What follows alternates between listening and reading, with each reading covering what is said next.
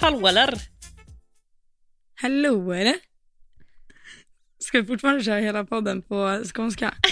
Jag tycker det. Skånska? Jag hade dock inte kunnat ta det på allvar. Du låter så söt när du eh, pratar skånska. Jag eh, pratar skånska. Eh, ja. Hur mår du idag Johanna? Eh, ja, jag mår fint ja. Nej, det är ju fel. Det är inte alls dalmål. Nej, det var väl typ ganska bra. Var det det? Ja. Fast jag mår ju inte fint. jag är ganska sjuk. Eh, Nej, du är sjuk i tre dagar. Helt otroligt. Nu kom du in på småländska. Ja. Vad pratar Andrea Brandt för dialekt? Alltså jag tänkte precis på André Blant när du sa det. Han pratar, han pratar eh, så här, näst, eh, lite så småländska. Är Nej, det småländska? Kalmar?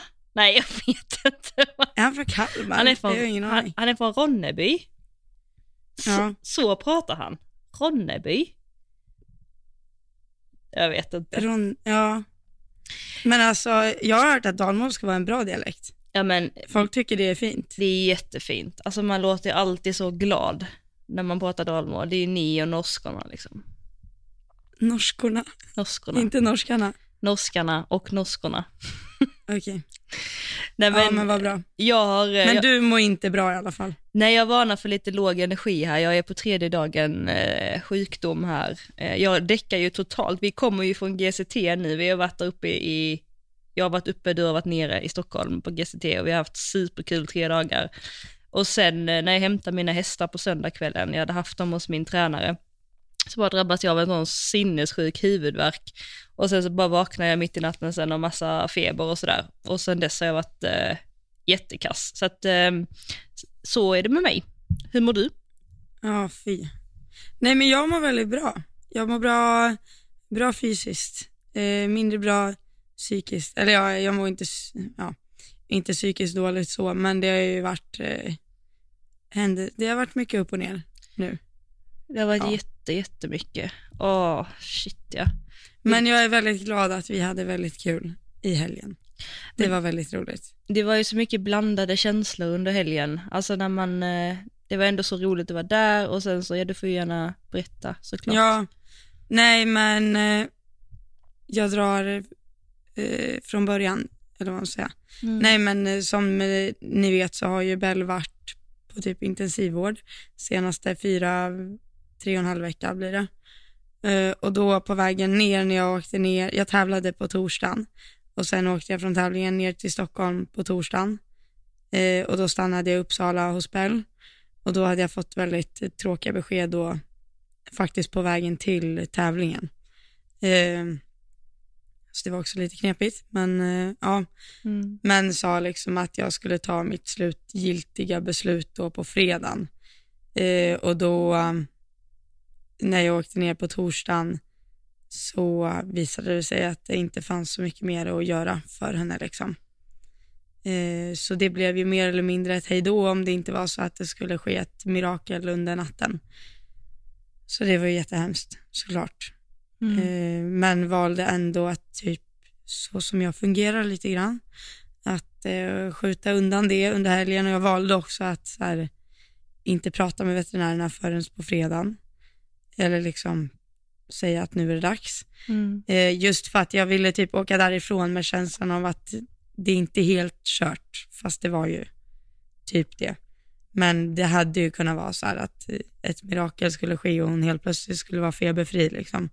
Men hon hade inte varit det på tre och en halv vecka så ja, Gud, det där kan man ju, man gör sig inte klok på det där.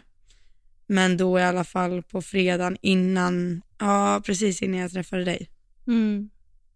så visste jag ju att det var liksom, ja, last day så att säga. Mm. Mm. Och eh, det var jobbigt men jag ville fortfarande inte veta när och var och hur utan jag ville bara lägga det på is liksom. Mm. Ja, så jag hade faktiskt en jättebra helg även om det låg liksom i baktanke hela tiden. Men det kändes, eller det gör det fortfarande, det har fortfarande liksom inte riktigt brutit ut. Det känns som att hon fortfarande är kvar på Ultuna. Mm. För att det har varit, man har liksom dragit ut, det har varit så här i en månad nu liksom. Mm. Eh, så det är ju inget abrupt avslut så. Ibland kan det ju ta lång tid innan någonting verkligen så här kommer i kappen. Alltså speciellt när du har Mm. varit så distanserad till henne som du sa sista veckorna. Mm. Nej, jag tyckte det var, eh, det finns ju inget rätt eller fel sätt att hantera det liksom. Eh, jag tyckte det var väldigt utmanande liksom att eh, hur, eh, alltså när vi var där uppe så var det ju många som kom fram och pratade och så, alltså vi hade ju också den här eh, meet and greeten där många av er kom fram Mm. och hälsade och så, vilket var superkul.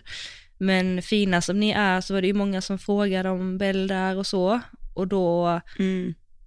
då var det liksom så svårt, för du hade ju du hade ju inte berättat det för någon och ville ju heller inte ta det där. Så jag tyckte så synd om det när du fick så många frågor och så hade hon liksom fått somna in redan. Usch, det är så jobbig situation, svårt att hantera. Ja, alltså jag, jag tror typ där och då, alltså jag fattade ju att det skulle hända.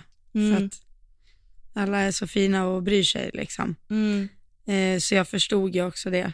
Ehm, men det var inget man ville lägga fram där och då när någon säger så här, ja jag hoppas det kommer gå bra med Bell. Vad ska jag svara liksom? Nej, vi, eh, de tog bort henne igår.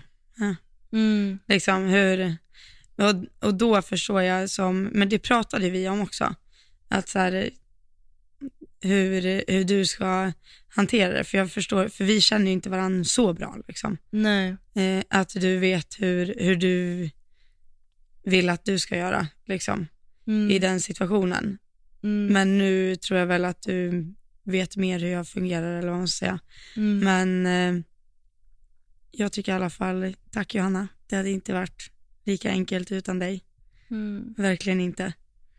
fin. Och du var ju, alltså det var ju bara du och min familj som visste om det. Jag drog ut på det typ till vänner också.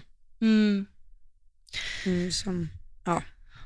Ja, jag förstår det. Nej men eh, tack själv, herregud, det är ju fint att få, få vara där och stötta och så, även om det alltid är jättesvårt. Jag märker det att det är en sån sak som är så, ursäkta, det kommer att bli lite hostningar här på under tiden. Ehm, att det kan vara väldigt svårt när någon befinner sig i eh, en kris eller någon har varit med om något jobbigt, så känns det ofta som att man inte riktigt vågar typ säga någonting, för tänk om man säger fel eller tänk om man rör upp något eller sådär.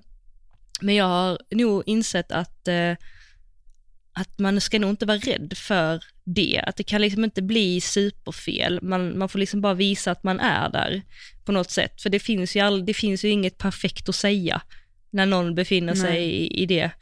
Ehm, utan man bara visar typ medkänsla och att man är där. Kan inte du vara rädd ibland, eller du känner aldrig det om någon vän till dig är med om något, liksom att man bara, oj, jag vet inte om jag vågar säga något, ska jag höra av mig, ska jag in, alltså. Jo, det är klart. Jo, verkligen. Mm. Och, eh, och det är alltså, det är folk varit jättefina med mot mig senaste tiden också och varit väldigt öppna. Så här, det finns ju inget rätt man kan säga liksom. Nej. Eller inget så som kommer få en att må bättre mer än att eh, veta att man finns där. Mm. Men det tycker jag var så skönt också för det första vi gjorde, det var inte så att vi sprang raka vägen till arenan liksom när vi möttes upp utan vi gick och käkade lunch först. Mm. Och det är det som är så skönt med våran relation. Jag vet inte om du alltid är så mot alla, men i alla fall i våran relation att du, för då frågade du bara rakt ut att så här, fan jag tycker du är ganska svår ibland och så här, sätta fingret på hur du vill, eh, liksom, hur du vill ha det. Så säg liksom nu inför den här helgen, säg hur du vill Mm. att vi ska göra. Eller det kändes typ Mm. som så. Och det, var- alltså det satte ju verkligen, det gjorde ju verkligen att helgen blev väldigt bra. Mm. Och hade inte du gjort det, då hade ju nog inte jag satt mig där och bara, du jag vill att du ska eh, göra att behandla min situation så här. Nej. Utan det var ju tack vare att du tog upp frågan, så det är ju precis som du säger, man måste nog våga vara den som pushar är ju helt fel ord för det är ju inte det man ska göra men bara våga vara helt öppen med att man finns där Mm, och fråga liksom hur, hur man ska hantera det. exakt. Ja men jag tror verkligen det för att ehm, man är, alltså det, jag tror att man utgår ju alltid från sig själv när man tittar på en någons situation så tänker man gud så här hade jag reagerat i den här situationen eller så reagerar jag när jag var med om det. Mm. Men eh, alla reagerar ju så olika. Jag tänker att det är ju därför det är så lätt ibland att döma människor, alltså tänker generellt, för att man tänker så, gud hur kan hon eller han göra eller säga så, det skulle jag aldrig ha gjort. Men eh, man är ju så olika. ehm, och, det, och det var därför jag tyckte också det var skönt att säga så till dig och fråga hur du ville ha det, för jag märkte liksom att du reagerar inte på samma sätt som jag gör i sådana här situationer. Alltså krissituationer Mm. eller när jag förlorar någon eller, alltså inget rätt och inget fel. Men jag tror att det är viktigt att man inte utgår för mycket från sig själv utan att man eh, förstår att alla är olika. Mm. Liksom. Ja, verkligen. Men sen, ja. ja, nej men så det var, blir ju en eh, väldigt, eh, väldigt, väldigt lyckad eh, helg och sen så har ju du också varit nere i Blekinge, Kalmar. Kalmar. Ja. Nej, ja, alltså, ja, nu är det mycket som händer här. Nu sitter jag och ler istället. Det ja, helt otroligt alltså, vilken schizofren människa man är tänkte jag säga. nej, men, ja, nej men, eh, jag har haft en span, eller en span, en span. Jag har haft span på en häst i, vart var jag på väg hem ifrån? Jo, det var när jag åkte hem från Skåne, när jag hade varit i, eh, ja men nere i, hos dig och tävlat. Ängelholm. Ja, ja Och då precis. satt vi i bilen på vägen upp. Eh, och så sa jag åt Ida, jag bara, men kolla hästnät. För att jag är ju van om att ha tre hästar, under den här tiden hade jag två. Och då var ju Bell på klinik också. Eh, så då under den här tiden hade jag bara en, så jag hade två boxar tomma hemma liksom. Eh, så jag sa till Ida, jag bara, men gå in och kolla hästnät så här, vad som finns. Och eh, hon bara, ja, men vad vill du veta då? Jag bara, ja, men jag vill fem, sex eller sjuåring och så bara, jag bara rabblar bara hur stora de är och stammen. Liksom. det, där, där börjar vi. Eh, och så kommer det upp några som hon säger och så kollar jag något litet filmklipp och så bara, nej, den går bort. Och så visade visar hon nästa och jag bara, nej, den går också bort. eh, och sen hon bara, ja men här är den, en Cadento Everest. Jag bara, vad sa du? Vet, så här. Jag bara, hur gammal är den här? Måste ju vara så här 17 år typ. och hon bara, nej, den är, den är sex. Jag bara, "Jaha, hur stor är den? Ja, det är en vallax, men den är 72. Den har gått den och 15 en gång, typ så här. Jag bara, "Jaha, får jag se en film? Jag, och så såg jag typ så här två galoppsprång. Jag bara, fram med hennes nummer, nu! Jag, det, det, det ska jag ha. Eh, och sen var tanken att jag skulle åka och prova den veckan därpå. Men sen kom jag på att det är långt till Kalmar alltså. Alltså, Eh, det är sjukt långt till Kalmar. hur många mil åkte och du? Alltså hur många timmar jag menar inte, jag? mi- Alltså 13 timmar tog det ju fram och tillbaka. Ja. Mm. Och sen provade jag hästen där så det var ju, ja vi åkte väl vid nio och kom hem vid två på natten typ. Alltså, det tog ju sjukt lång tid.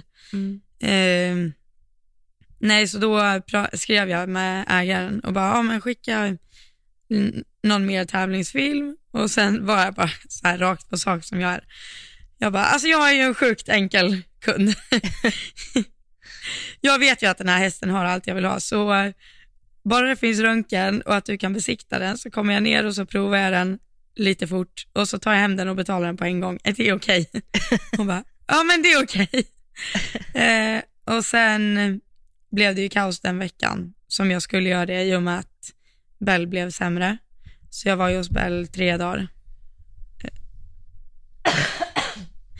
Ja, så jag var ju hos Bell tre dagar och sen eh, så var det ju GCT.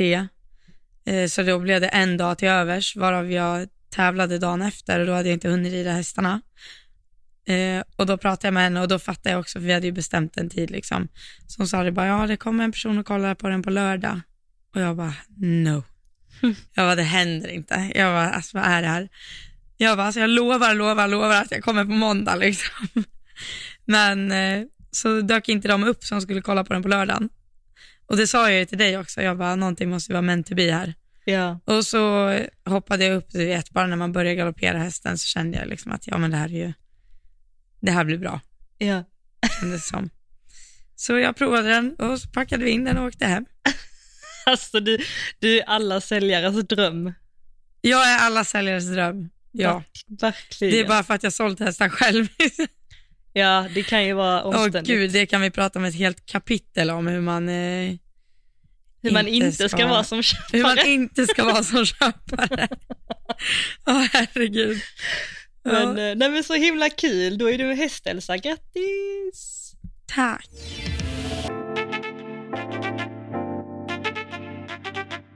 Men eh, det var ju inte bara min nya häst vi skulle prata om. Var det Inte? inte. För vi har ju faktiskt en plan Ja men det har för vi. första gången. Ja. Och hur kom den till? Eh, den kom till för ungefär en timme sedan. När Johanna spelade in ett röstmeddelande till mig och bara, du podden ikväll, kan vi kanske prata om det här? Nej, så kom den inte riktigt till från början. Nej. Från början kom den till så att eh, vi eh, blev ju bjudna på VIP på lördagen och eh, då hamnade vi vid samma bord som några ja, väldigt intressanta människor, tänkte jag säga. In- intressanta, vilket fult ord. Spännande, eller inspirerande. Ja, Ja, absolut. Vi satt med Sofie Sarenbrant, författaren, och hennes eh, två vänner, eh, Jessica Almenäs och eh, en tjej till som jag faktiskt glömde namnet på, vad dumt. Men i alla fall, bra gäng. nu, jag är ju sämst på namn. Mm. Men hon var ponnyförälder tänkte jag säga. Nej, hennes barn hade inte egna hästar, men eh, hon var, hon var aktiv i en ridskola tror jag, på, utanför Mm. Stockholm. Mm, Ja. exakt. Ja, nej men eh, de pratade vi mycket med såklart, i Mm. och med att vi spenderade ungefär 12, nej du spenderade fler timmar där än vad jag gjorde. För jag gled ju in lite sent jag då. Det gjorde ju det. Ja, Eh, nej men vi satt ju där, eh, alltså herregud, jag satt nog på min rumpa, alltså verkligen 12 timmar och bara tittade på hästar och åt. Alltså det var det jag höll på med. Och du sen. alltså folk började ju skratta för hur många gånger jag gick förbi den där buffén liksom Ja men typ och alltså. hämtade mat. ja. Men vi eh, pratade, jag vet inte hur vi kom in på det, men vi pratade lite om att, eh, just det, för hon frågar ju hur vi, hur det kom sig att vi startade podden tillsammans och så berättade vi det lite. ja. Och det har vi redan berättat här, så det behöver vi inte göra, men så Nej. sa vi det att eh, vi trodde ju inte att vi skulle klicka med varandra. Nej, nej precis. Jag tänkte att vi skulle nog kunna liksom driva igång en bra podd, men alltså vi har ju fler timmar vi håller kontakten den timmen vi sitter här liksom. Exakt. Och det är ju bara för att vi, vi har klickat, men det trodde jag inte. Nej. Nej. Men varför trodde inte du det? Jag trodde typ att du skulle tycka jag var för dryg, tror jag. På vilket, på vilket sätt? Nej, alltså jag tänkte inte att jag skulle ha, en- alltså mina kompisar sa ju till mig bara, men gud hur ska stackars Johanna Lassnack liksom orka med dig? För jag är väldigt så här tankspridd och överallt och liksom eh, är inte så, men Nej. det har ju våra lyssnare sagt också, att vi kompletterar varandra bra. Ja, men en, en sån mix hade ju kunnat bli dålig också. ja absolut ju. Eh, ja, jag trodde ju, jag tänkte ju nog, jag gillar ju nog det, alltså utan att jag kände det så gillar jag att du var lite så, eller jag, jag märkte ju att du hade positiv energi och var lättsam och rolig och så. Men eh, jag tror, jag tänkte nog att, eh, jag tänkte nog att du inte skulle tycka om mig så, att jag var nog för tråkig kanske. Det kanske är så jag tyckte, jag vet inte varför jag inte trodde vi Tror skulle du? klicka. Ja. Bra. Ja. Men varför, du är inte den första personen som säger det till mig. Vad hemskt. Ger jag den uppfattningen till folk att Att du tittar ner på folk? Nej. Ja, nej men typ att jag skulle tycka att andra var tråkiga. För det är verkligen inte första gången det händer, att någon säger det. Nej, okej, vad konstigt. Men eh, jag är ju liksom, jag, är ju, jag, fin, jag finner ju mig i rollen att vara clown. Det behöver inte finnas två, tänkte jag säga. nej men, ja. Men hur blir du om någon annan kommer in i rummet och är clown? Kan du ta ett steg Nej, då tillbaka då, jag eller in- konkurrerar du? Nej gud, nej då konkurrerar jag verkligen inte. Nej. Nej, För det sa vi också, nej absolut inte. det sa ju, som dina vänner hade sagt till dig, liksom att du, eller jag sa ju till dig att jag tyckte att du, för det upplever ju, nu har vi inte umgått så jättemycket med andra människor tillsammans, för att, eh, men det gjorde vi ju nu och du tog ju, alltså det är fel att säga att ta mycket plats, för du tar inte mycket plats, det är fel, helt fel. Eh, utan mer så här att du gillar ju att prata och du gillar att dela med dig av saker och ting och du är bra på att berätta och har alltid typ så egna historier att referera till som du gärna delar, vilket gör det intressant för andra att lyssna. Och det märktes ju tydligt när vi satt, eh, tyckte jag, och pratade allihopa. Mm. Eh, också att du, du sa att dina kompisar hade sagt att det är när du pratar så mång- lyssnar många. Liksom. Ja. Jag bara, det här låter ju inte som en fin egenskap nu. Eh, men det är det kanske inte, jag vet inte. Eller grejen är att jag tror jag, men det sa jag också, att jag, alltså jag känner ju ofta behov att jag liksom ska hålla låda. Mm. Att jag, jag känner ofta behov, eller jag känner ofta att jag ska vara den som driver samtalet liksom. Men det är skillnad på behov, men känner du ett behov själv eller känner du ett måste att göra det? Eller att det förväntas menar jag. En förväntan. Att det förväntas tror jag nog. Så det är inte du som har Också så. behovet? Nej, nej det skulle jag inte säga. För jag kan vara väldigt upp och ner. Alltså jag kan vara, mm, det är som min kompis var hemma från eh, Norge nu i tre dagar. Mm. Och då så här bara, alltså jag tror typ jag sa tre meningar på tre dagar. Ja, jag kan det. Det är helt otroligt. Men bara för att hon är ju, om jag är en person som pratar mycket så slår ju hon mig i hästlängder. Mm. Och det älskar jag, att bara sitta och så här, alltså hon har ju massa sjuka saker att berätta, eller det måste inte vara sjuka saker, men viktiga saker, för att det är så sällan vi ses. Eh, och då är jag så här, då vill jag hellre bara sitta och lyssna på allt hennes först innan vi går in på mitt liksom. Mm, Okej. Mm. Så, eh, men, eh, för där, alltså du är ju tvärtom, du är ju sjukt bra på att lyssna och ställa frågor och vara liksom, du är ju drivande i samtalet på det sättet. Mm. Ja men exakt, jo men det är jag ju. Och är det för att du känner behovet att du måste göra det för att liksom, för den andras skull, eller är det för att du håller igen för din egen skull? Eh, alltså typ, eh, jag får nog svara på olika sätt där för att eh, det är ingenting jag håller igen. För att jag, alltså jag känner verkligen, alltså noll behov typ av att säga saker om mig själv. Så länge inte någon frågar, typ frågar du mig någonting, alltså då skulle jag ju kunna prata hur ingående som helst. Jag kan vara öppen, jag kan utelämna detaljer, jag kan vara sårbar, jag kan vara ledsen, jag kan skratta, jag kan säga pinsamma saker. Alltså jag är ju inte alls stängd på det sättet. Men om inte någon frågar så skulle jag ju aldrig säga typ så, ja men det hände mig en gång också eller eh, ja, kanske någon gång, kanske du och jag liksom, men typ aldrig med nya människor eller eh, dela med Mm. mig av en story så, vilket kanske kan vara tråkigt. Ehm, men jag känner typ lite så att eh, jag, jag är nog lite så här, eh, jag, jag tror jag tänker lite så att det jag, alltså jag vet ju redan det jag kommer att säga. Så varför ska jag Mm. säga det? Alltså, det är liksom inget nytt för mig om jag ska berätta, då ska jag bara berätta någonting jag redan vet. Alltså, och så tänker jag så här, hur förgyller det någon annan? Alltså, och då menar jag inte att jag förminskar att mitt, mina historier är mindre värda, jag känner bara inget behov liksom av att berätta det. Ehm, och sen så tycker jag att det är skitkul att lyssna. Alltså jag är ju så genuint intresserad av andra människor och hur och varför, alltså om, man berättar, om du berättar en story eller någon annan berättar en story så vill jag veta varför och hur och hur var det sen då och innan och liksom verkligen nörda ner. Ja. Men jag, jag tänker ju att på ett sätt är det ju en negativt också, för att jag är ju aldrig någon som bidrar till underhållning, utan jag bidrar nog som du säger till samtalet genom att ställa frågor. Mm, så är det nog.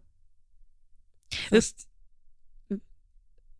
Mm. det gör du visst. Eller, alltså, Ja, men upp, du är ju mm. du är jätterolig att vara med. Alltså, ja, men tycker du verkligen att tycker jag är kul? Ja, ja, absolut. Ah, Verkligen. okej. Det finns ingen jag skrattar så mycket när jag smsar med heller. Skulle någon läsa våra konversationer, då tror jag faktiskt att de hade skrattat ganska gott. Ja men det tror jag med. Men, Nej, eh, men, mm, men alltså det märks ju på dig också, typ så här, det har vi pratat om förut, men på Instagram eller också när, också nu när vi pratar, att du, du kastar inte ur dig så här hästrelaterade åsikter. nej. Det är, det är big no hos Johanna Lassner. För att det är klart, du, du sitter ju på dem, det gör du ju. Ja, Du har ju ditt system som du tycker är rätt liksom. ja. Eh, men det är inte så att, när, alltså det fin- finns ju tusen olika system. Men jag vi stod ju och kollade en del på framhoppningen. Just det. Mm. Eh, och då sa vi typ i mun på varandra, vi bara, håller du på med att plocka in rumpan sådär i galopp? ja. det var så himla komiskt, det var eh, Marlon Modolo, ja. Sanotelli, Sanotelli. som satt och eh, trimmade sin häst tror jag innan Grand Prix va? Ja, exakt. Mm. Och eh, då red han väldigt så här med fångad, intagen bakdel liksom. Mm. Eh, nästan lite så här piruettgalopp. Ja, Och där stod vi och nördade oss. ja. Ja men du sa Men- verkligen direkt så här, brukar du också ta in bakdelen, eller brukar du ta in bakdelen sådär? Och jag bara, alltså jag skulle precis fråga samma sak. Ja, men det roliga är, då när jag har kommenterat det, Mm. då svarar jag direkt liksom på frågan själv. Just Och du är ju så här lite eftertänksam. Du är så här, ja, inte så mycket, men kanske ibland. Typ så alltså, det är så här, man bara, luddigaste svaret någonsin. Sitter på den mest välridna hästen på hela svenska Instagram liksom. Eh, Men så här, ska dela med sig av en millibit av sitt markarbete och får typ så här, det har hänt någon gång till svar. så här, eh, ja, Ja men jag tror att det är så att jag ehm, uppfattar, jag tror att det kan vara så att jag uppfattas nog som att jag inte kanske har så mycket åsikter eller att jag inte riktigt så här, men när man, men när vi väl, om, ja, jag vet inte, jag får väl bli bättre på det, men när man väl pratar ordentligt, då kan jag ju dela med mig av det. Jag bara typ känner så, okej jag ska bara känna efter hur jag känner kring det här. Eh, dels så tycker jag inte att jag har rätt att, eh, eller rätt, vänta nu, tänker jag, inte rätt. Jag tycker inte att jag är superbra på markarbete. Eh, och eh, då känner jag inte att jag ska dela med mig av det heller, för att jag känner liksom inte att det, typ som du, känns ju väldigt, väldigt trygg i ditt tankesätt och där, men och jag är väl det på ett sätt, men jag känner inget behov av att dela med mig av det, för att jag känner inte att jag har, är jag inte bra nog för att uttrycka mig. Och då säger inte jag det att jag tycker att jag är dålig, du vet, så att jag säger det ett negativt sätt, utan mer bara så här konstatera att fasen, jag är inte bra nog på det liksom. That's it. Alltså jag är jättebra. Fast du är ju fortfarande väldigt mycket bättre än gemene man liksom. Fast jag är inte det alltså. Fast Johanna, det är du. Alltså, nu, du är så här, alla kan inte ringa någon proffstränare och åka och hämta dem i, i Köpenhamn liksom. eh, för att få till sitt markarbete. Och de som, de som inte gör det, de hade blivit jätteglada för din input. Ja. Ja, men jag är ju sjukt intresserad och sjukt nördig och så. Men jag känner, jag, jag vet inte, det, detta är väl någon, någon eh, grej hos mig som jag får reda ut, men jag känner att jag känner mig obekväm med att, och prata. Men jag känner nog mig obekväm med allt och prata om, eh, om saker och ting. Jag är mer så här uh, action before talk. Det är nog det det landar i, typ att jag pratar aldrig så mycket utan jag bara gör. Och så bara helt plötsligt så bara börjar folk fråga när man ser resultat. Alltså förstår du hur jag menar? Att jag, jag, jag... Mm. Jag är precis tvärtom. Jag snackar som fan och visar inga resultat. Nej, det gör du ju inte. Nej. Uh, ja. ja det är, men det är sjukt, uh, sjukt intressant. Men tycker du liksom att, uh, är, alltså suger det typ energi ur dig då, om vi ska prata om någonting och så känner du att det är ett motstånd från mig? Eller känner du, eller hur känner Nej, nej, det gör jag verkligen inte. Nej, nej. Alltså jag tycker verkligen inte att du är, alltså att det är jobbigt att prata med dig. Nej, absolut inte. För nu varje gång det händer att jag ställer dig en fråga så börjar vi ju garva lite grann. Mm. När jag mm. märker att ditt svar är så här, lite liksom, det är inte så här, om du skulle fråga mig typ en markas, markarbetesfråga, mm. då hade ju jag så här, oh, men gud vad kul att du frågar. Alltså jag tänker så här, så här, så här, så här. Mm. Eh, och förut tänkte jag så här och det var ju käpprätt liksom åt mm. fanders. Men jag har sett några andra som gör så här. Mm. Eh, eller förstår du vad jag menar? Mm. Ja men exakt. Och det, det stod vi också och pratade om, om, om du tyckte det var rätt att liksom så påverka i språnget.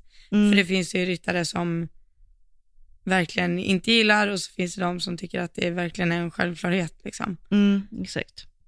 Och, där, och det var för att jag såg en ryttare på framhoppningen som gjorde det, att han liksom han rätade på sig och mötte upp med väldigt mycket hand mm. när han hoppade fram för att han antagligen inte ville att hästen skulle landa för långt ut liksom, mm. bakom räcket. Eh, och då slog det mig så här direkt, och du hade ju aldrig ställt dig då och sagt så här, så där brukar jag också göra hemma. Nej. Och du hade heller aldrig sagt så här, så där fattar jag inte hur man kan göra. Exakt. För att du vill ju inte, du, du vill ju liksom inte lägga din åsikt i, i blöt eller vad man säger. Nej, exakt. Nej. Du bara nej. Jag blir typ generad. Jag, jag, jag vet inte. Jag, jag tänker nog också lite så att eh, det finns så himla många olika liksom, system och det finns saker som jag hela tiden gör som eh, jag eh, liksom kanske eh, inte är bra men som sen kan bli, som blir bra eller så gör jag saker som inte är bra nu som kan bli bra senare eller alltså förstår du att jag jag är så mm. ödmjuk tror jag kring att eh, det finns inget rätt och fel liksom och att, eh, det låter det skitklyschigt men livet är en lång resa. Nej men alltså det är, alltså lära och liksom jag är ganska odömande kring alla sätt och ganska nyfiken. Så jag tror jag bara är väldigt trygg i det. Och så jag tror jag var inne mm. lite på det i början när vi pratade, jag tror det var ett av de här första avsnitten där jag sa, jag vet inte hur jag uttryckte det, men att jag är inte så mm, jag, alltså jag, jag, jag, tycker liksom att när jag ser mig själv rida, så tycker jag ju såklart att jag gör ett bra jobb. Jag kan titta på en runda och verkligen så här att fasen vad jag gjorde ett bra jobb utifrån mina förutsättningar. Alltså jag gjorde verkligen så bra jag kan. Och då jämför jag inte mig med Malon Sanotelli eller eh, alltså Peder eller hur Malin och tänker så här, fasen jag har så lång väg kvar, vad dåligt. utan Jag kan verkligen genuint känna så här, fasen bra jobbat, bra gjort, du gör ditt bästa. Så jag har ganska så här hög självkänsla och skulle jag typ så här göra en, en miss på banan, alltså jag är verkligen jätteförlåtande mot mig själv och typ så här, men jag gjorde det jag trodde var rätt där och då och okej, okay, jag kan inte komma in så här i en trekombination så att nästa gång så lär, har jag, får jag liksom ta med och lära mig om att jag får rida ett steg mer in, eller ett steg mindre, eller vad det nu kan vara. Eh, så att jag har väldigt liksom, hög eh, självkänsla och så, men jag tror någonstans att när det kommer till ridningen så har jag nog lite dåligt eh, alltså självförtroende. För man brukar ju säga lite tvärtom att man kanske har bra självförtroende och låg självkänsla. Liksom, för att man ofta kanske definierar sig själv med sina resultat och sina prestationer. Det gör jag verkligen inte. Alltså jag kan ju ha, vara utesluten fem tävlingar i rad och ändå tycka att jag är duktig. alltså, och gör Mm. mitt bästa. Liksom. Men varför jag har dåligt, och det är kanske fel att säga dåligt självförtroende, det är väl att jag tycker liksom inte att eh, jag rider så bra som vissa, alltså om någon kommenterar på Instagram exempelvis, så tycker jag att man ibland sätter mig på en lite hög piedestal som jag inte tycker att jag är förtjänt av. Inte för att jag är en dålig människa alls, utan för att jag tycker inte att jag rider så bra som det beskrivs. Förstår du hur jag menar? Utan att det låter fel. Ja, jag bara sitter här och så här, hon... Ja, Ja. okej. Mm. Ja, jag är med dig. Du, du tycker, alltså då om man så här ska dra en slutsats av det, du tycker att du är fel person att fråga. Exakt. Ja, Jag tycker att man ska fråga någon som är, har mer erfarenhet, kan sin grej och är duktig på sin grej. Liksom. men jag tänker så här att det spelar ju ingen roll om det finns någon som har mer erfarenhet än dig, för du har ju fortfarande mer erf- erfarenhet än många andra. Ja, absolut. Och då kan ju du gynna dem, förstår du? Mm. Jo, men... Eller så tänker jag i alla fall. Alltså jag minns det, ja men eh, jag screenade ju till dig när Lisen, mm. eh, Lisen Bratt, ja, eller Li- Lisen Fredriksson, Mm. började följa mig på Instagram och då screenade jag ju till dig och bara så här, jaha, då måste man börja tänka på vad man lägger ut nu då. typ så här, eh, för att inte se ut som en idiot. Men, och sen å andra sidan nu, jag vet ju fortfarande att det jag lägger ut är ju uppskattat och jag har ju fortfarande kommit underfund med, mig själv att liksom, herregud jag är 22 år nu, att eh, det jag håller på med nu kommer jag tycka är nonsens om 15 år antagligen. Mm. Mm. Alltså, eh, då kommer jag se tillbaka och bara, men Elsa vad höll du på med liksom? Mm. Eh, och det har jag bara helt accepterat. Men det är ju det här jag tror på nu och det här kommer ju lägga grunden för det jag gör sen. Och jag är ändå ganska säker på vissa saker och ja, jag vet inte riktigt var jag vill landa. Jag menar bara att det verkar ju ändå vara uppskattat. Jag har ju svårt att tro att om, om vi säger att du skulle lägga ut en markar, markarbetesövning med, som du gör med Kalle Mm. och så skriver du ja, men ganska långt om liksom, hur du kommer dit och vad du tänker på. Det är inte så att någon hade kollat ner och bara, varför lägger hon ut det här? Det finns ju de som är mycket bättre. Utan alla hade ju läst och antagligen uppskattat det. Mm. Ja men exakt. Men jag tänker att det ehm, där en sån grej typ i mitt yrke, alltså när det kommer till mental träning och, och hela den Mm. biten, där är jag ju alltså 200% alltså säker. Ja, det är, sant. det är, ju, din, det är ju din grej. Exakt, Ja. och där kan jag lägga ut, jag kan skriva, jag kan kommentera, jag kan prata om det i ett dygn utan att stoppa. Jag har inga hämningar. Jag är helt övertygad om att om någon kommer till mig och ringer mig så här och säger, fasen Johanna, jag är livrädd för att hoppa, kan jag få komma och träna? Och så är jag helt övertygad om att jag hade fått den personen att lämna träningen med en, en, en lugnare känsla liksom, än när de kommer för att hoppa Mm. en viss hindertyp eller en höjd eller eh, och samma när jag tar mig an en klient som jag jobbar med. Alltså, jag är helt övertygad om att den personen efter ett par veckor kommer befinna sig på en annan Ja. plats. Liksom. Så att där är jag säker, men när det kommer till ridningen så, mm, nej. Och jag, jag tror att det är någonting jag måste kanske typ eh, jobba med för att eh, jag behöver ju lite den här eh, det jag inte har, vi sa vi kunde prata lite så här, typ om varandras styrkor, styr, det var det vi skulle komma in på lite så här, våra styrkor Mm, styrkor och svagheter och så. I, I ridningen och personlighetsmässigt och så. Min styrka är ju att, tror jag, att få saker och ting att se lätta ut. Tror, jag tror det. Ehm, men att det är inte, eh, alltså jag kan göra saker och ting lite så här smooth utan att det syns. Så jag kan sitta på en häst som är inte så ridbar och sen ändå få det att se ganska lätt ut, kanske är så. Mm. Eh, och sen kan jag lösa allting i en ganska bra rytm. Alltså jag är ganska bra på att försöka hålla samma galoppsprång och påverka hästen Ja. så lite som möjligt, störa så lite som möjligt och, och sådär. Så det är en styrka, för det är också svårt att bara sitta still och inte göra någonting när det känns, Ja, ja, gud ja. alltså så att man, om man håller på att dö liksom.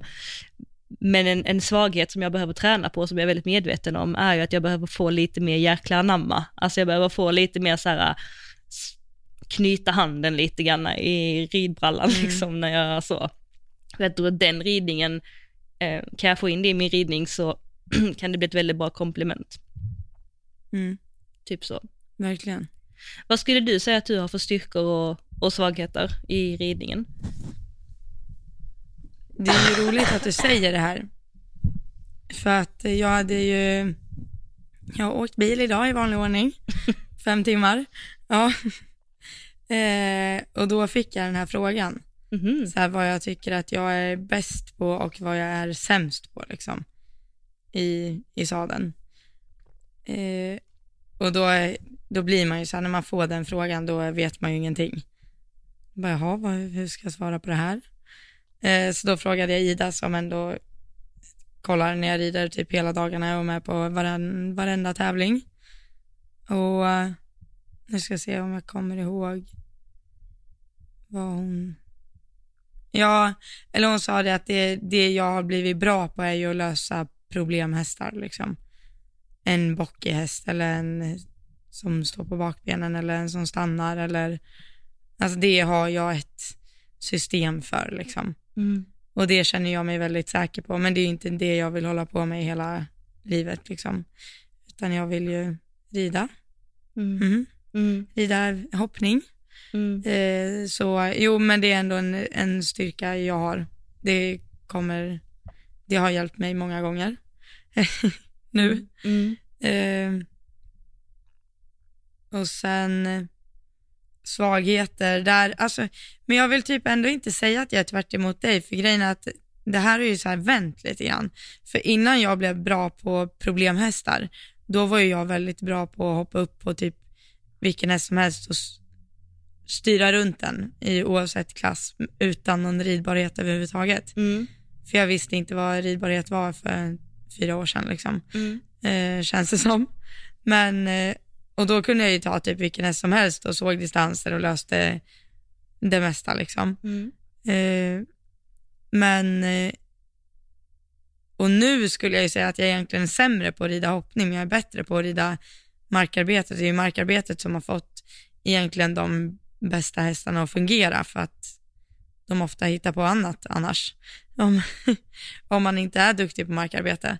Och, ehm, men har väl typ egentligen blivit sämre då på hoppdelen för att jag har blivit så nördig på markarbete så det har så här, jag börjar ju lägga volter och skit och allt ska vara perfekt på tävling liksom. Mm.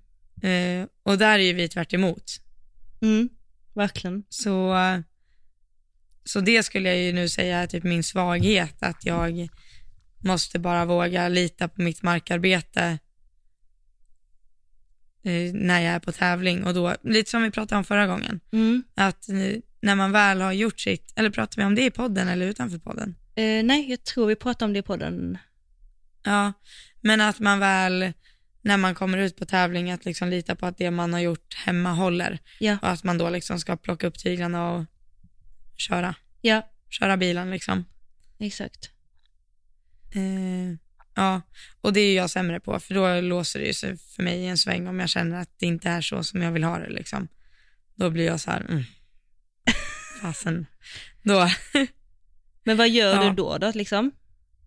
eh, nej men nu kör jag ju ändå, men jag kommer ju fortfarande ut med en dålig känsla liksom och inte så här, inte som jag vill ha den. Mm. Och när jag kollar på filmen så ser jag ju så här, alltså, okej, så här hade du inte behövt lösa det. Liksom. Och då när jag kollar på filmen så ser det ju aldrig lika illa ut som det känns. Nej, så är det ju alltid alltså. Så är det ju alltid. Liksom. Mm. Och då ångrar ju man, man ju sig att man inte bara galopperade igenom det och liksom, ja, Mm.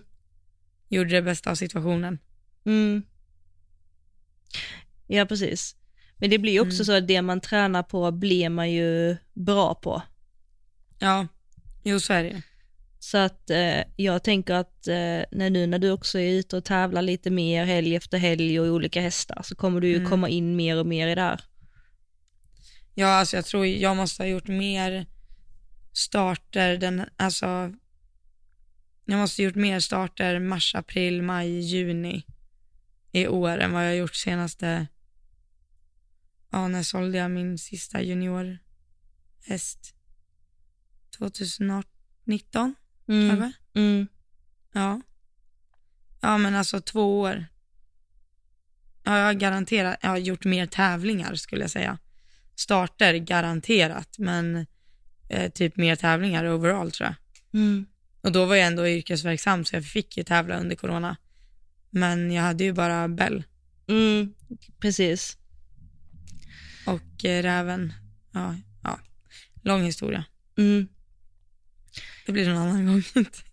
Men jag, vad, vad tror du liksom i slutändan då? Alltså, för det, det var så kul för att det var en, eh, en tjej som eh, lyssnar på podden som vi båda eh, känner till. Vi behöver ju inte namedroppa för det är så, men eh, vi, eh, jag kan säga det sen, men i alla fall. Eh, hon sa ju att hon lyssnar på podden och, och så sa hon att det är så kul att lyssna på er för att ni pratar om sånt som jag inte trodde att andra tänkte på. Vilket är en jättefin komplimang. Mm. Alltså typ de här nödsakerna och, och så. Ehm, så med det sagt, hur, eh, vad tror du, det finns ju inga rätt och fel, liksom, men vad tror du i slutändan man tjänar mest på när man går in på banan? Att ha den här inställningen lite att ta tyglarna, nu överdriver jag lite, men ta tyglarna och gå och bara lösa det på vägen och göra det bästa av de förutsättningarna man har, eller snöa in på eh, varje liten eh, liksom sväng och eh, ja men verkligen du vet så här rida jätte, mycket markarbete om man ska säga mellan hinderna. Alltså nu tar jag ju två mot, Mm. motståndare som är liksom från ena änden till den andra änden. Det finns ju ett mellanläge, men om du förstår min Ja. fråga. Alltså jag tänkte på det nu när vi alltså, satt och kollade på GCT och där tycker jag att varenda ryttare plockar ju upp tyglarna och kör Mm, liksom. Och då är jag var och provjobbade liksom i den tyska, tyska skolan eller vad man ska säga. Och typ som Marcus Ening, det är ju inte så att Marcus Enings hand är liksom klistrad vid manken hela tiden. Det är den ju verkligen inte. Även fast han har världens finaste, bästa ridning så är det så att hästen går iväg. Det är klart han lyfter handen och tar tag i den och bara nej, så nu Mm. löser vi det här så här. mm, Eh, så där och då garanterat det första alternativet som du säger. Men det här är ju liksom sjukt tränade hästar. mm, Och där är ju jag så här, alltså jag tror ju egentligen inte att jag har, alltså jag är ju inte så här maskin på att rida som hinder. Jag kommer ju aldrig vara lika bra som typ Malin Bajard på att rida på hinder. mm, eh, tror jag inte. Men eh, däremot så tror jag kanske att jag kan ha mina hästar liksom tillräckligt gymnastiserade och fina för att de skulle kunna, det sa jag nog till dig också när vi satt där, att även om jag inte sätter det tio av tio gånger så känns det som att jag har mina hästar tillräckligt mycket med mig för att de fixar åt mig det här tionde språnget som jag faktiskt inte sätter liksom mm. eh, tack vare mitt markarbete, om du förstår. Absolut. Eh, så det blir väl en mix kanske? Ja men Jag exakt. Ja, men Ja. jag, jag tänker så här att har man en häst, det är en förutsättning att man har allting på plats, alltså att man har en lydig och ridbar häst. Ju. Ja, Och har man det, då blir det ju lättare att ta tyglarna och gå, alltså om man nu säger enkelt Ja. förklarat. Eh, Men har du en häst som inte är det så då kanske det krävs att du behöver rida lite mer inne på banan, alltså skolning liksom, eh, Ja. på det sättet. Men där, um, jag, jag tror att jag eh, har väl, eh, alltså förut så har jag inte eh, kanske um, haft den, de mest stridbara hästarna, alltså innan. Så jag har haft lite så här styva, stiffa hästar och sen så har jag de hästarna som inte har varit mina, som jag har fått liksom på tillridning eller tävling och sådär. Alltså alltid, det, det första jag alltid märker, jag vet inte om du känner igen det här, men alltid, typ, det slår aldrig fel så länge inte jag har provridit en riktigt fin häst, men om jag har fått en häst i träning, det första jag märker är alltid att hästarna faller inåt, alltså för innerskänken. Mm. Alltså jag bara, hur, hur, hur ska jag kunna rida när hästen liksom faller in, det går med, om jag är i vänstervarv, faller den in till vänster och så har huvudet till höger. Alltså utåtställd och faller in. Jag vet inte, men har du märkt det när du sitter på vissa hästar? Uh, ja, gud ja. Mm. Men... Det, alltså jag har ju haft elever som har kommit till mig som får trava efter spåret i 50 minuter för att de inte kan göra en hörnpassering. Och då blir det ju jättesvårt att, eh, då kanske det är en person som har en en häst som inte har så liksom, bra koll på marken och en häst som gör exempelvis det här och plus har problem att inom citationstecken se distanser. Det blir ju i princip omöjligt att se en distans när du har en häst som inte går dit du vill eller som faller in. Nej, nej. och det är också det att liksom yttertygen tappar ju helt funktionen. Mm. Om den går utåt ställd. Ja, ja. Det tänker jag också när man ser en distans, för då vill jag ha den rundad för innerskänken liksom, om jag kommer ur en sväng, om vi säger en vänstersväng, då vill jag kunna möta upp med lite yttertygel liksom, för att slicka distansen. Mm. Eh, men hur gör man det om den går utåtställd? Nej men då får du ju Då blir den ju på... mer utåtställd. Exakt, och då får du ju gå på ren attack. Alltså du ser någonting och så du bara skicka i sporrarna och så får du liksom på något sätt eh, Nej, men, Första bästa distans, ja. Eller liksom börja eh, tokratta liksom för att få in ett extra, bara för att liksom överleva. Och det går ju ja. om då, alltså, när man hoppar lägre höjder och så, men det går ju inte att rida en, en, en, en högre bana eller en högre klass.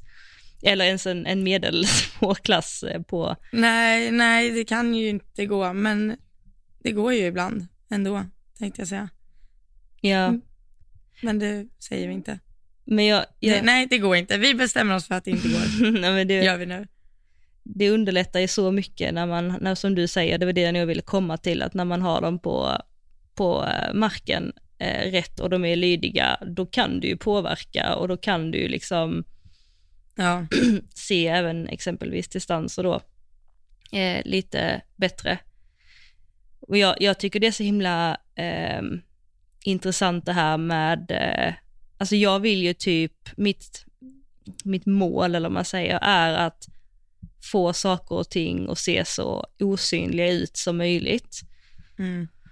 Och eh, om jag exempelvis vänder upp till en oxer, alltså ur sväng, mm. eh, säger att det är alltså typ fyra språng eller fyra steg ifrån svängen och, eh, som svängen är. Så när jag då är i svängen så vill jag ju kunna se att okej, okay, eh, jag ligger lite, eh, lig, ligger lite nära här. Så då använder jag liksom min innerskänkel för att komma ut lite så att jag skapar lite mer plats på det sättet. Mm. Eller om jag känner att oj, jag ligger lite stort, då eh, gör jag liksom tvärt emot att jag kapar vägen eller rider lite in, innerspår mm. i svängen för att så, jag vill liksom inte hamna i läget där jag trycker på med sporren eller att jag hänger. Nej. Utan jag skulle liksom vilja göra det bara med små, små, små hjälper eh, och använda mm. vägen liksom. Och då stör du inte rytmen heller. Exakt. Du, mm. Precis. Hur, Hur tänker du där? Alltså när det kommer till, till en sån sak typ? Nej men jag, jag tänker precis som dig, att jag vill kunna liksom, alltså ja, som jag sa, ha hästen tillräckligt gymnastiserad eller vad man ska säga för att det ska fungera.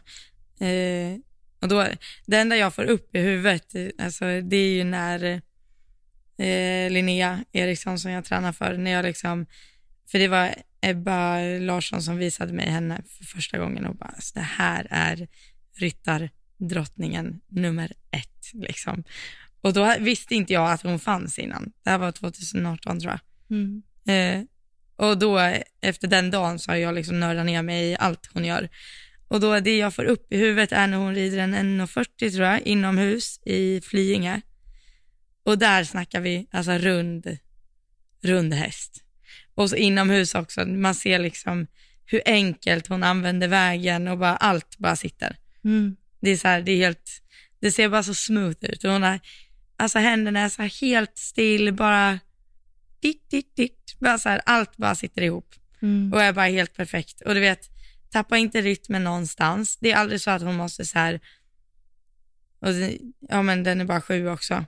Mm. Det är den hingsten hon red förut. Mm. Och eh, den bara hänger ihop av sig själv hela vägen runt. Eh, bara en sån här drömrunda. Alltså jag vet när jag såg den där, jag bara, alltså jag har aldrig sett något liknande. Mm.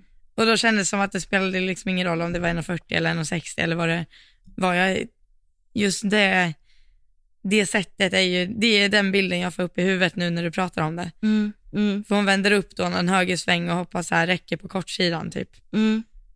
Och det, det ser ju så löjligt enkelt ut. Mm. Ja, Eh, och- sen vet man ju hur många timmar, timmar och typ år av markarbete som ligger bakom det där. mm. Ja, ja shit ja. nej men det, jag tror den filmen finns på hennes Instagram. Så ni får in och kolla där så vet ni vad jag pratar om. Det får vi Vi får länka den till våran story på våran podd Instagram. Ja det men det, det kan vi göra ju. Fakt, ja men Mm. det kan vi göra. Mm. Jag vill också se den.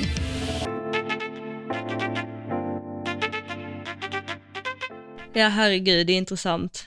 Jag, ehm, jag känner att jag har bidragit lite dåligt här idag. Jag känner att eh, det har varit mycket hosta och, och så här. Jag, jag tänkte så här att har vi ens fått sagt någonting, men det har vi kanske ändå. Det har vi verkligen. Jag vet inte vad din, jag tycker, jag tror det här är ett jättebra avsnitt. Du, låt, låt inte din sjukdom tynga ner dig. Nej, exakt. Jag tror att den Du gör får det. däcka efter det här. ja, Ja, jag ska göra det. stå ut. när jag ska- Ah, ja. Nej, men jag förstår att du är lite låg. Det Ja. gör jag. jag pratade med dig tidigare idag och då lät det ju förjävligt faktiskt. Ja. Nej men jag tänkte att eh, vi rundar väl för dagen och sen, eh, ja, så Hörs ses vi med, nästa ja, med nya krafter nästa vecka. Är det något roligt du ska? Det är midsommar, nej vänta, nu säger jag fel igen. Nej det är rätt. Det här kommer efter midsommar. Ja, precis. Detta är ju Precis. onsdag idag va? Mm. Innan Det midsommar. Jag tror inte det blir något midsommarfirande för mig, jag är rädd. Ska du fira midsommar? Ja, ja, gud ja, det är midsommar i Dalarna. Mm. Har du inte hört talas om det? Åh jo, gud vad underbart. Ja. Älskar midsommar. Det Så är mysigt. otroligt viktigt för Ja, oss, ja. kan jag säga. och dröm och fira uppe mer. Det får du göra någon gång. Ja. Det är dock bara familjen, men ja, Men vi ändå. är ganska roliga. Vi har en väldigt lättsam familj, vi har väldigt kul ihop. Ja, jag har verkligen Det- förstått det. Jag och the frozen family. Ja, precis. Alla, är din, eh, alla dina barn, tänkte jag säga. Alla ni, Alla barn, mina barn. alla ni barn heter eh, Det är faktiskt helt frost, sjukt. frostnamn. Elsa, Frostnamn. Anna, Anna Olof. och Olof. Ja. Ja. Nej, men Jag när jag hör får det. se, är jag fisk ska jag fira midsommar självklart, men eh, vi hoppas det. Men eh, jag tänkte Ja. så här, eh, fasen vad ni är grymma lyssnarna som är schyssta och stöttar podden. Alltså Elsa, eller hur? De har blivit... Ja, det är helt, alltså jag tycker vi börjar få kläm på det här med 10 ja 10 kronor. verkligen. Vi är så det är nu alla ger upp när jag säger det. Ja, nej men eh, precis. Nej, men vi kanske är på 8%, men eh, vi, vi vill i alla fall- säga tack. Och är det så att man känner att eh, man fortfarande vill hjälpa till och hålla på den flytande, Ja. så kan man swisha till oss och då swishar man till 1232 981 231. Och jag har sagt att jag ska komma på en ramsa och jag kommer att göra det. Men det. Alltså det är så roligt, för du får ju säga det där numret varje vecka för att du är så organiserad och har tagit fram det innan. Eh, och jag tänkte att jag kanske kan lära mig det. Och nu har jag ju hört det hur många gånger som helst, men jag kan inte lära mig det. okej, men vi säger så här. Du får säga efter mig. 1232 1, 2, 3, 2, 981 981, 231. 2, 3, 1. Alltså det rimmar ändå Ett, två- lite. Ja, ja lite grann kanske. Ja, vi avrundar där innan jag får migrän tänkte jag säga. Av siffror. Ja, Okej. Men eh, Johanna, krya på dig. Tack. Puss och kram, ses nästa vecka. Puss och kram. Hej hej.